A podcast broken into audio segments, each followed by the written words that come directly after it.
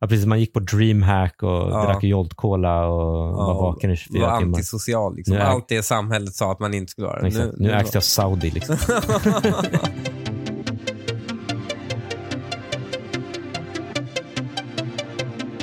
Välkommen till eh, Snacka Cash. Tjena, tjena. Nytt avsnitt. Hur är läget? Det är bra. Eh, även denna veckas avsnitt är sponsrat av Affärsvärlden. Ja. Eh, vi var lite snabba i svängarna förra gången. Mm. Jag tror inte... Jag har ju levt så länge med Affärsvärlden så jag kanske tänker att alla vet exakt vad det är. Men eh, för de som inte vet så är Affärsvärlden ett ekonomimagasin och de har varit igång sedan 1901. Det är länge. Det är fan eh, innan första världskriget. Och eh, de släpper över 500 aktieanalyser per år.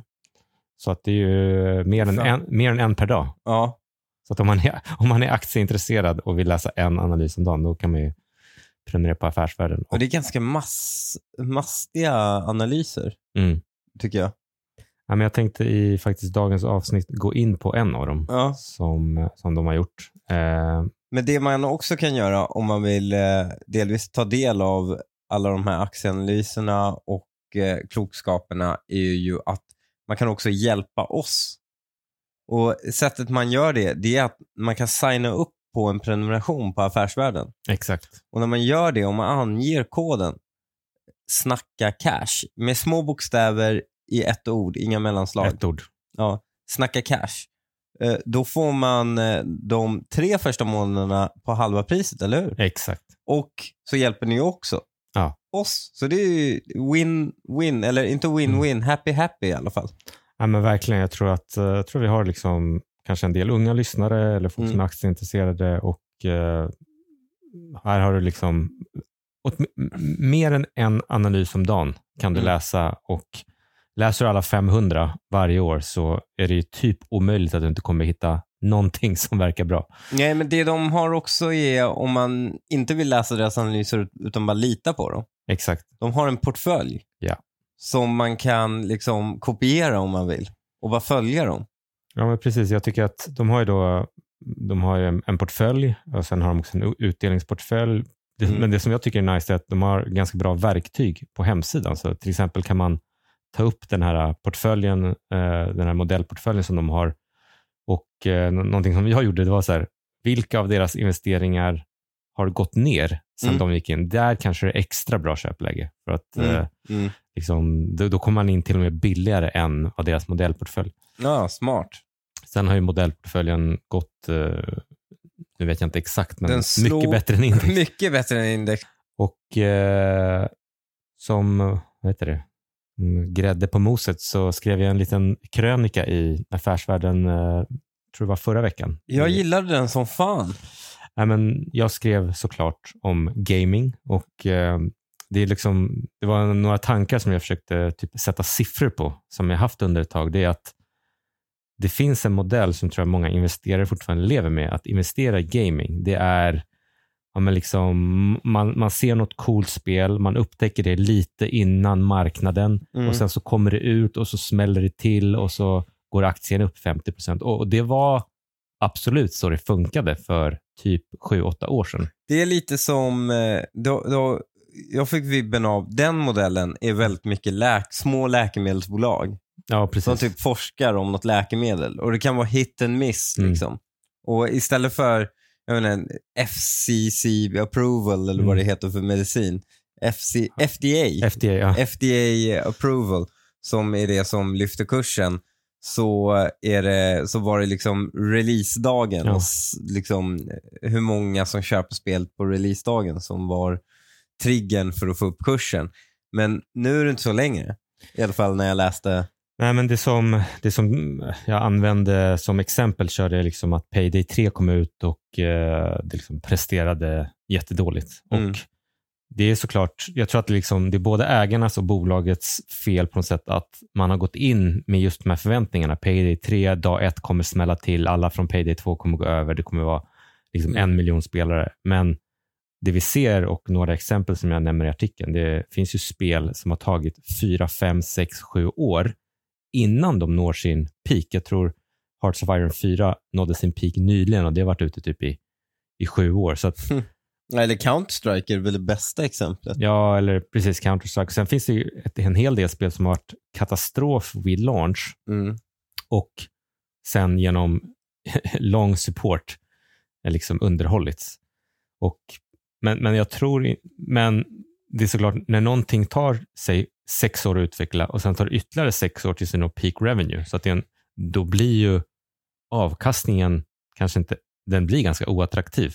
Mm. Eh, och det är väl tyvärr, liksom, spelsektorn har konsoliderats så mycket och den har professionaliserats, man ska säga. Så att eh, alla, alla pitch decks som alltid är, eller alltid när något bolag ska börsnoteras, då är det alltid så här, ah, men kolla hur mycket, spe, hur mycket antalet gamers växer i världen. Mm. Jo, Mm. fast de spelar samma, alla spelar samma spel. Jag, jag tog fram här bara topp, Steam Bestsellers topplista, Mm. som det ser ut just nu.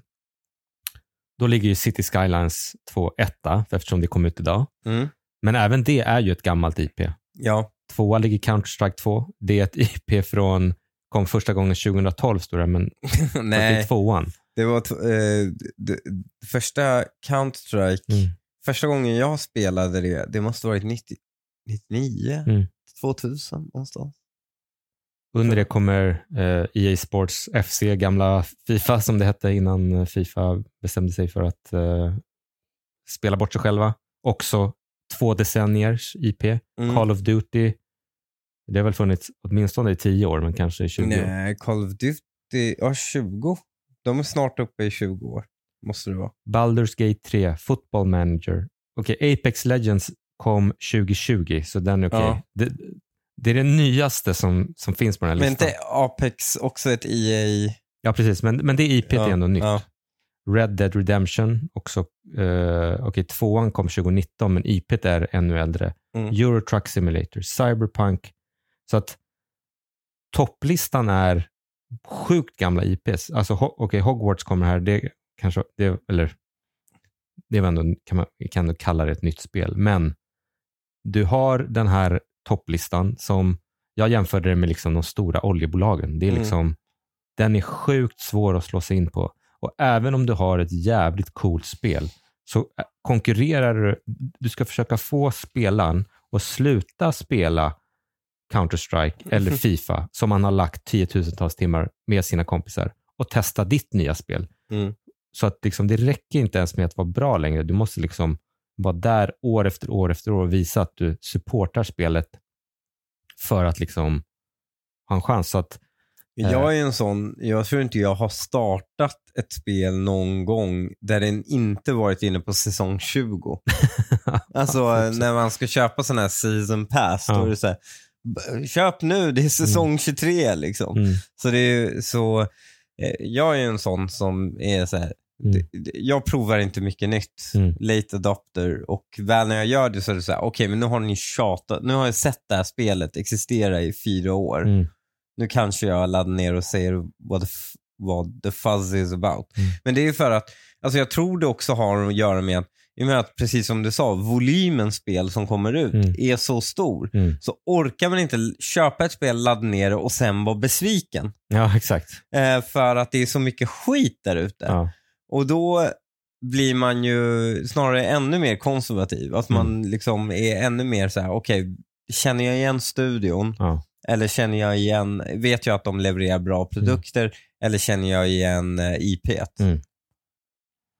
Ja, men jag, och jag tror typ att det var lite här faktiskt Embracer och dess investerare gick snett. Där man kanske från Embracer, Embracer köpte ju Eidos som till exempel har Tomb Raider.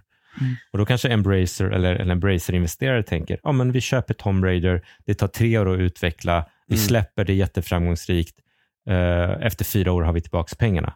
Medan Eidos sitter och kollar, vänta ska vi göra ett nytt Tomb Raider? Det kommer ta sex, kanske sju år att utveckla Mm. måste kanske vara ett live service-spel som vi måste supporta i fyra, fem år. Det tar tio år innan vi får tillbaka pengarna. Return on investment, Mm. det är helt annorlunda. Så Eidos tänker det tar tio år. Embracer lever i illusionen om att det tar fyra år. Och så säger Eidos, här, här varsågod, köp det för att vi, or- vi, det liksom, vi kan inte ta, det, det är för stor risk för oss. Om ni vill överbetala här, varsågod. Och Det, Men ändå Eidos, vad gör de nu för tiden? Du, gud, när du sa det fick jag så här, äh, jag fick så här flashback från deras gamla logga och äh, Ja. när man startade Tomb Raider. ja, Har, har de Eh. producerat något nytt på sistone? jag vet inte. Alltså, det kom ju ett nytt Tomb Raider för några år sedan. Men, Ja. eh, men eh, jag vet inte. Det, jag tror liksom, ska man göra ett nytt Tomb Raider, då måste det liksom nästan vara så här open world, bla, bla, Ja. bla, dyrt spel. eh, Mm. Jag såg en, eh, en sån här dokumentär om när de skulle göra Hogwarts Legacy. Mm. Och när de skulle göra Hogwarts. Okej, Och den är ju enorm. Alltså bara själva alltså, 3D-världen. eller vad? 3D-världen, alltså Mm. själva slottet. Ja. Liksom. Det tar ju inte slut och Mm. det är gigantiskt. Mm. Och det liksom tog flera år för dem att bara Mm. bestämma hur stort det ska vara. Ja. Det var liksom, när de gjorde de första rummen och då upptäckte de så här, shit, det här kommer ju Mm. ta evigheter. Mm. Jag köpte ju det när det kom ut. Linnea är ju stort Hogwarts-fan. Eh, Det var det är otroligt imponerande. Mm. Och då blev det snarare lite så här, um, och då är det så, den är ju alla de här bells and whistle. Mm. Det är open world, men det är också extrema detaljer, det är många side missions, det är mycket voice acting. Det, alltså Mm. man märker, det är ju en helt annan femma att göra sånt spel Mm. jämfört med ja, men vad som kunde slå förr i Mm. tiden. Liksom. Ja. men precis, du måste, liksom, du måste gå in och vara beredd att lägga hundratals miljoner dollar Mm. eh, och eh, ha liksom riktigt bra creatives och riktigt bra styrning på dem.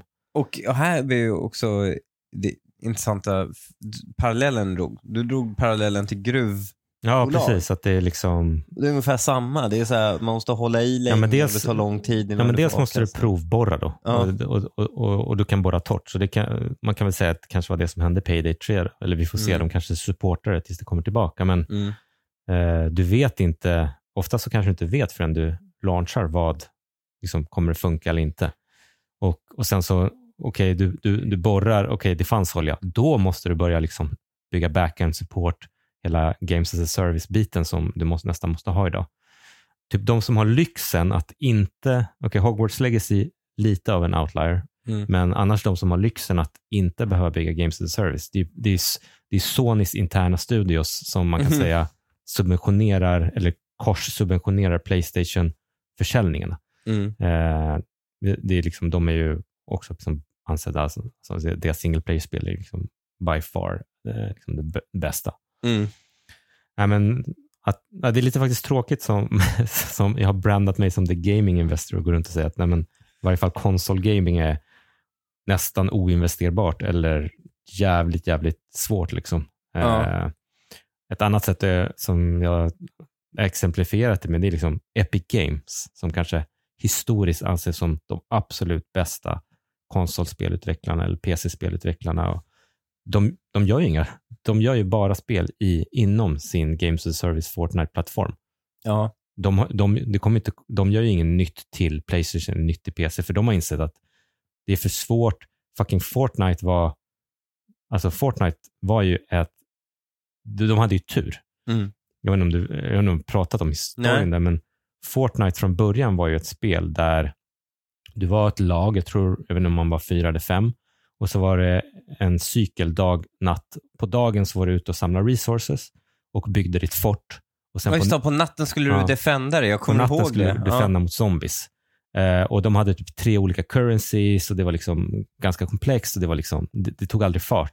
Sen hade de då PubG som också körde Unreal Engine som lanserade då, eh, som kanske anses som liksom den största innovationen inom speldesign de Battle senaste Royale. 20, ja, Ja. En, en, cirkel som förminskas. Ja, liksom med Battle Royale. Liksom, och, eh, och Epic bara, hmm, det, det som var, liksom, man kan säga kanske som var skicklighet då, det var att de hade byggt Fortnite på ett sätt så att det var väldigt enkelt för dem att bygga om det, eller Ja. reskinna det.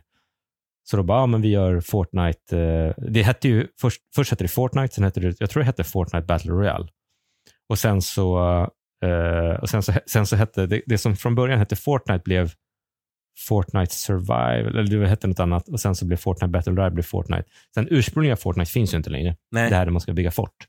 Men de hade ju den här byggmekaniken, skjutmekaniken, och sen vet jag inte om det var free to play redan från början eller inte. Och sen så exploderade det. De hade också så här tur i oturen med att som är lustigt att Unreal Engine är känt för fotorealistisk grafik. Men, just, men Fortnite är det inte. En förklaring jag fick till varför, de, varför det inte är det, det var att ursprungligen Fortnite så skapades det procedurella banor. Ja, just det. Och för att göra procedurellt så måste du, liksom, du måste ha byggklossar. Ja. Och därför så kunde inte grafiken vara liksom fotorealistisk. Nej, Men- men det är som No Man's Sky och, Ja. och allt Ja, exakt. Alla de är ju tecknat för att det är svårt Exakt. att göra det Så- fotorealistiskt. Ja, precis. I, Fort, ja, i No Man's Sky de ska ta ett huvud och ett ben. Så. Mm. Och sen så eh, sen hade de lite tur i otur nu för att det som hände med att Fortnites mer eh, löjliga grafik gjorde mycket enklare för dem att göra brand partnership för till exempel PubG. Som Mm. är så här, PubG skulle inte på samma sätt kunna ha så här, ja men nu har vi samarbete med Dallas Cowboys och du kan köpa en Dallas Cowboys NFL-tröja. Mm. Medan i Fortnite så var det mycket mer naturligt att göra de här brand partnerships. Ja. Eh, så det var liksom, de hade liksom, jag tror också många föräldrar släppte garden lite. ja absolut. Att Nej, det inte var realistiskt Ja. och därför... eh, Jag kommer ihåg när folk försökte stämma dem för emote-danserna? Bland annat Cart, vad heter han? Ja, Carl- just det. De, han som var Carlton i Fresh Prince of Bel-Air. just det, de Han, hade ha- han hade en speciell Ja, dans det. som de införde som, som du kunde köpa som en emote-dans. Ja, och han försökte stämma dem. exakt, exakt. Men det gick ju Man ingenstans. kan nog inte patentera danser. Nej, men det, var, det, det togs upp i domstol, men jag tror Ja. inte det gick. Nej. Men eh, hur som helst. Men eh, jag tänkte prata lite MTG. Eh, vad tänker du på när du hör MTG? Alltså jag tänker typ TV3. Alltså jag, alltså jag tänker old school eh, Porr. mediabolag. Porrstreaming? nej, nej, nej. nej. Jag, jag tänker old school svensk mediabolag som typ hankat sig fram. Mm. De gör ju inte tv längre. Mm. Eh, utan de har ju helt gått över till eh, dataspel. Och ett tag så ägde de ju ESL och DreamHack. Va? Köpte de DreamHack? Ja, exakt. Jag var, jag, sist jag var på DreamHack, då ägde DreamHack DreamHack bara. Det var liksom, de hade inte sålt den. Okej. Men, eh, men sen så sålde de ju ESL till någon för så här, typ 9 miljarder. Då. Oj. Vet du vilka som köpte? Nej. De, de som alltid är liksom två år efter men ska försöka vara, hänga på trender. Mhm. Saudi. Nej. Gud, de sitter verkligen med alla skitgrejer. Från Embracer till liksom, verkligen, de, de får verkligen, de köper verkligen dyrt och sen sitter de och hodl. Mm, men det känns verkligen så här som, de är som är tre år late to the party och sen har en alldeles för stor plånbok. ja. Eh, alltså, så, så det var i varje fall en...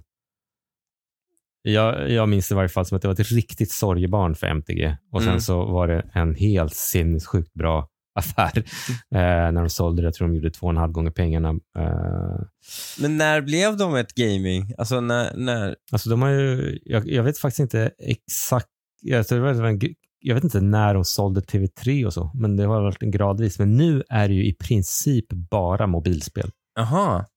Ehm, så om eh, vi tar upp eh, Affärsvärldens analyser. Nu hade MTG rapport just idag och den här analysen är från 7 oktober, så den är från innan. Men eh, jag ska säga att rapporten kom inte med några massiva förändringar mot vad som gäller här. Det är Daniel Svensson som har skrivit den här, en av då 500 analyser som Affärsvärlden gör. Eh, rubriken är då stor kassa eftersom de fortfarande har massor med cash från den här eh, ESL-försäljningen. Och man kan säga relativt eh, låg värdering eh, kommer Mm. man fram till. Och eh, de har ett gäng olika spel. Jag, ska, intressant om du har spelat några av de här. Eh, Bloons TD6. Sen har de, så de har, de har ett gäng olika studios Ja. som gör ett gäng olika spel. Eh, och eh, de har ju en studio som de liksom kallar Simulation, men det är väl liksom alltså mobilspel simulation. Mm. Eh, bland, annat har, bland annat är det en studio som gör F1 Racing Manager på licens. Eh, sen har de någonting som heter Bloons TD6 som är deras största. Sen har de ett nytt spel som heter Crossword Jam som är väl någon typ av mag-liknande ordspel som Ja. har blivit ja. väldigt stort. Det är Och- ingen jag har spelat faktiskt nu när jag Mm. tittar på eh, listan. Ehm, men jag har sett reklam på många av dem. Ja. Rebel Racing känner jag igen. Men annars nej. Bara för några veckor sedan, eller någon månad sedan, så köpte de en eh, studio. Eh, de köpte 70 procent i en studio som heter Snowprint som gör Warhammer 40 000 Tacticus till mobil. Okej. Har du varit med Warhammer? Jag har aldrig varit en Warhammer-kille. Nej. Däremot, eh, eh, jag gillar estetiken. Mm. gillar ju Warhammer-estetiken. Hela den här rymd, eh, religiösa rymd, eh, Crusader. Liksom. De som har tjänat brutalt mycket på Warhammer, det är de som äger IP. Ja. Eh, Så att, eh, jag tycker det var lite, jag har inte grottat mig ner i den här Snowprint-affären. Det är ju, Snowprint gör ju ett spel, alltså de äger ju inte Warhammer IP, det är- Mm. licensierar de ju. Eh, Men de betalade ändå väldigt bra. Det var nästan så att man blev orolig för att liksom, MTG har så stor kassa så att de går runt och är lite liksom, frikostiga med den. Ja. De har ju också ett aktieåterköpsprogram. Och sen i den här analysen som eh, är i affärsvärlden, om jag ska säga eh, någonting så eh, som jag kanske inte helt höll med i, det är att de menar på att de är diversifierade för de har mobilspel inom olika kategorier. Racing, Tower Defense Strategy och Word Games som är de Det är stora. väl inte differentierat, det är väl väldigt så att säga specifikt. Alltså, det vill, det vill bero på om man ser MTG som ett mediebolag eller Mm. som en bara mobilspelsutvecklare. Ja, nu är det ju bara mobilspel. Ja, exakt. Då, då är det väl diversifierat för att vara en mobilspelsutvecklare. Ja, precis. Det, den enda, det, det som är utmaningen nu inom mobilspel, det är nästan, alltså, vi pratade om förut med konsol och PC har blivit sjukt eh, konsoliderat. Mobilspel är ju också där, där i princip oavsett vilken kategori inom mobilspel du är i, så fort du börjar växa och bli lite större, så slår du i liksom, eh, man kan säga user acquisition taket, alltså att det, Mm. blir för dyrt att anskaffa nya användare. Och sen den andra saken, nu har inte jag dykt in i varenda spel, men jag skulle säga att jag skulle nog jag skulle nog kunna, i alla de här olika kategorierna, racing, tower defense och så vidare, så, så de flesta spelen är ändå i slutändan, tror jag nog, en omgjord slottmaskin. Ja, ja, så är det ju. Utan det är bara så här, uh, du tror, att, du tror att du kör bil och att det är skillbaserat, men så som spelet är gjort så liksom misslyckas du med banan tre gånger, då kommer den göra det lite enklare för dig. För att liksom, jag, tror, jag tror ingen av de här spelen är byggda på ett klassiskt spelsätt där du faktiskt kan fastna och måste ha skill, utan det är alltid så här, Du, föl- behöver aldrig följ- get good. Nej, du, du, du följer liksom en dopamin extraktionskurva. Så, så i slutändan är liksom allting är en och samma. Men, men det jag gillar i det jag gillar så som affärsvärlden ställer upp det, det är att dels har de då grafer där man kan se tillväxt varje kvartal för de här olika Mm. Det spelkategorierna. är väldigt intressant hur eh, stort Word Games är. Ja. Alltså, Ja, det är alltså typ större, jag vet, inte, fuck, det är typ nästan större än, än MAG. Eh, ja, 600 miljoner i Word eh, Games. gjorde de Word på ett kvartal. Ja. Eh, så det är liksom, eh, det är riktigt stort. Jag har faktiskt inte testat. Och se. tvåan är strategi och simulation. Ehm, och så kommer så här Tower Defense och sådana här klassiska spel som man själv Ja. kanske dras mer mot. Men jag, var, jag, blev, jag var faktiskt, när jag funderade på så här, vad, eh, vad menas egentligen med simulation? De säger att det, de har en tysk studio som heter InnoGames som är det de kallar simulation. Men det är, Ja, Egentligen- Forge of Empires eh, är ju det vad de gör. så Det- det är ju liksom city builders och Sunrise Ja. Village. allting av det här är väl en version av, vad heter det där, ursprungs eh, Farmville. Ja, just det. Men det, det han skriver i analysen är att MTG har en tanke om att det ska finnas synergier att driva en koncern bestående av flera mobilspelsbolag. Bolagets studio drivs självständigt, men de har byggt ett mellanlager i MTG-koncernen kallat Flow Platform. Den erbjuder gemensamma resurser inom reklamteknik, cross-promotion och liknande. Jag tror faktiskt att det kan finnas en viss sanning i det. att Dels kan du ju cross, dels kan du ju det största sättet för ett mobilspel att få nya spelare är att göra annonser i andra mobilspel. ja. Så har du en stor koncern så kan du liksom till exempel i och, och, och priset folk betalar för annonsen är ju, annonser är faktiskt extremt fluktuerande. Det kan ha att göra med allt från så här Jag vet att när det är typ så här fotbolls-VM, då är annonser dyra och Mm, ibland mm. kommer det in, jag har hört nu på marknaden att det finns ett monopol, monopolmobilspel där utvecklaren har eh, jävligt mycket pengar. Så Mm. de köper så mycket annonser och driver upp annonspriserna för alla. Mhm. I en sån period, ja men då tar vi in annonser. Men i en period när det kanske är sämre, ja, men då gör vi annonser för våra egna spel. Kan Mm. man ha en al- algoritm. Men som- är inte det ett problem för att man egentligen äter upp speltid från sina andra spel?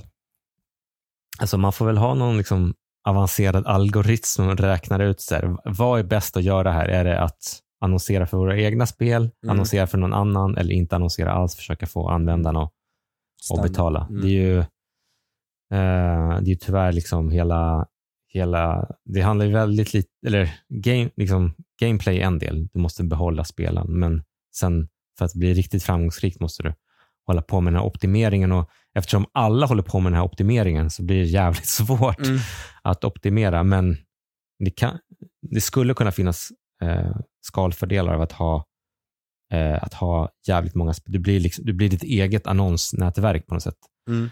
Eh, så eventuellt eh, skulle, men min erfarenhet är ju tyvärr också då att när du har olika studios och de här är liksom på olika länder att det är, så det är lätt sagt vi ska ha synergier och vi ska samarbeta men i praktiken, eh, liksom du har en studio, jag tror att de, har, de här har liksom en studio i, i Nya Zeeland, en i Indien, en i UK, de är olika liksom, vad heter det, vakna olika tider, att verkligen få mm. ut synergierna. Att det är eh, Det är väl eventuellt om, sagt än gjort. det är väl eventuellt om de skulle säga just delning av data och, och backend-system. Liksom. Att man kan få vissa synergier på den punkten. Precis, ja, ja, precis. Ja, precis. Man kan få alla och ha samma liksom. backend. Mm. Eh, och precis som du liksom, ja, har du väldigt mycket, ja, men just det också att Apple har ju gjort det så jävla dyrt att köpa användare sedan, sedan två år nu tror jag, när de Mm. förbjöd tracking. Och då kanske du kan liksom eh, i ditt eget annonsnätverk se, okej, i det här spelet så ser vi att det är high value players så då kan vi liksom göra annonser för andra typer, alltså att man kan optimera optimera fram sitt annonsnätverk. Mm. Eh, så att det skulle vara intressant. Ja, ja, så att bakom det här köpet till exempel av Snowprint eller Warhammer Tacticus så kanske det finns, för när man kollade på bol, om man kollar på det här Snowprint, bara gå in på alla bolag och se vad de tjänar så verkar det inte vara superlönsamt just nu, men det kanske finns massor med andra eh, affärs, liksom, synergieffekter som man kan eh, kräma ut. Mm. Men eh, affärsvärlden kommer faktiskt fram till eh, köp eh, och eh, någonting som man måste ha i åtanke när man kollar på den aktien det är att börsvärdet är kring jag tror börsvärdet är kring 9-10 miljarder, men det är 3 miljarder i kassan, så det måste du räkna av. Mm, mm. Eh, så att bolaget värderas till ungefär en gång omsättningen. De har vissa aktieåterköp. Eh, så de, har, de ligger väl typ kring eh, vinst per aktie eh, 7 kronor. Och ska vi se vad, ska vi se vad, Vad ligger aktien på? se vad den handlas eh, just nu efter rapporten. Den var, tror jag var faktiskt, den är på 80 spänn nu och eh, den är ganska nedtryckt. Min lilla oro skulle vara att de får hybris med de här stora kassarna och börjar Mm. göra dåliga förvärv. Men annars tycker jag att aktien, precis som eh, eh, han skriver i analysen, att den är det känns som att nedsidan är ganska liten och att den är liksom ganska rätt värderad, men något av de här äh, spelstudierna, något av de här spelen skulle kunna liksom ha någon optionalitet och sticka iväg. Även om även inom mobilspel så är det allt mer sällan vi ser att det kommer en oväntad hit eftersom allting är så jäkla eh, auto, liksom robotiserat, automatiserat. Ja, det, det, det, det blir inga nya Flappy Birds. Det är en, Men det är väl rimligt om man då ska ha i sin portfölj då exponering gentemot eh, gamingmarknaden. mm, Då, eh, ja, vi är ju fortfarande hold on på MAG. Ja, Eller hur? precis. Mag hade ju rapport häromdagen. Mm. Det är också det som är lite...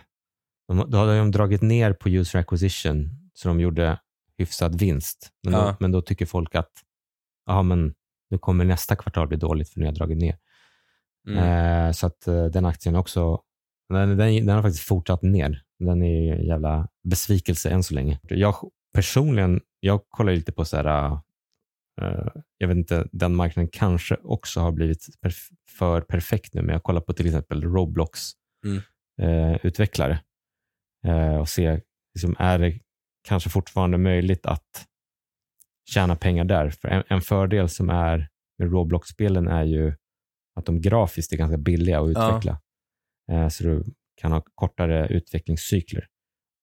Å andra sidan så är det då att, att det kanske är desto större konkurrens. Ja, Eh, men eh, jag har inte ens, alltså, jag, jag lovade mig själv att vara en sån här förälder som håller koll på vad barnen gör på Mm. internet och sånt. Mm.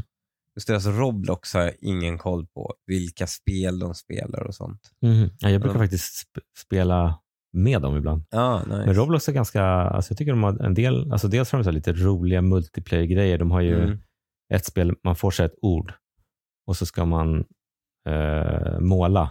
Alltså du får så här typ eh, Ja, just det. Anka och ska man ri- ja, rita en anka, anka. och sen så Mm. röstar man på varandra. Ja, Eh, men de har väl, eller i varje fall mina barn kör väldigt mycket bara rena rollspel. Alltså, Mm. eh, det finns, jag vet att det finns något spel, man, man, man ska vara ut på äventyr och så här, gå i berg. Typ. Mhm. Och Bloxburg är också bara typ ett rollspel. Alltså, Mm. Det finns inget syfte med spel. Du bygger hus och Ja, köper, exakt. köper Ja, kläder. men- mycket av barnens är ju att de berättar att så här, "Ah, kom och titta på mitt hus, kom och titta på mitt husdjur. Ja, Den här tjejen vill att jag, jag är den här, den här, här är min nya mamma. ja. Liksom, och sådär. Så eh, det verkar, men det verkar också vara, de liksom bara scrollar igenom spelen och sen typ försöker memorera Mm. thumbnailsen för att hitta dem igen. Liksom. Ja, men jag tycker faktiskt att jag ser mycket av innovationen i speltyper ser jag faktiskt på Roblox, kanske för att det är billigare att iterera där. Och du Eh. måste ha fokus på så gameplay mechanics Ja, istället för exakt. grafik. Liksom. Exakt.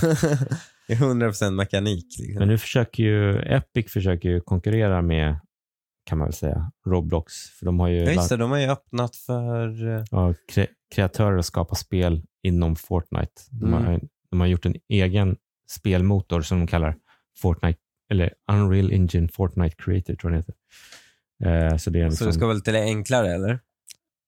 Det är deras förhoppning. Ja. Eh, det- Unreal är ju inte, ett enkel, är inte en enkel Ja, motor. deras förhoppning är ju att det ska bli som Roblox fast bättre grafik. Ja. Eh, och, du, och du marknadsför till eh, Fortnite-publiken. Och eh, Sen så har de också en annan monetiseringsmodell, vilket, jag, vilket kan vara intressant. att I Roblox så måste du ju i ditt spel sälja, Mm. eh, få spelarna att köpa. Medan Epic än så länge i varje fall har valt en modell där du har en cosmetic store Mm. som, är sam, som gäller för alla och ditt spel, du får en share of total wallet, alltså lite mer Spotify-modellen. Ja, ja, ja. Så du kan bygga ett spel som du lägger ut på deras plattform. Du behöver inte göra någon som helst monetisering. Mm. Du behöver bara tänka på gameplay och sen får du en del av totalen Beroende för på speltid Hur mycket de spelar. Ja. Mm.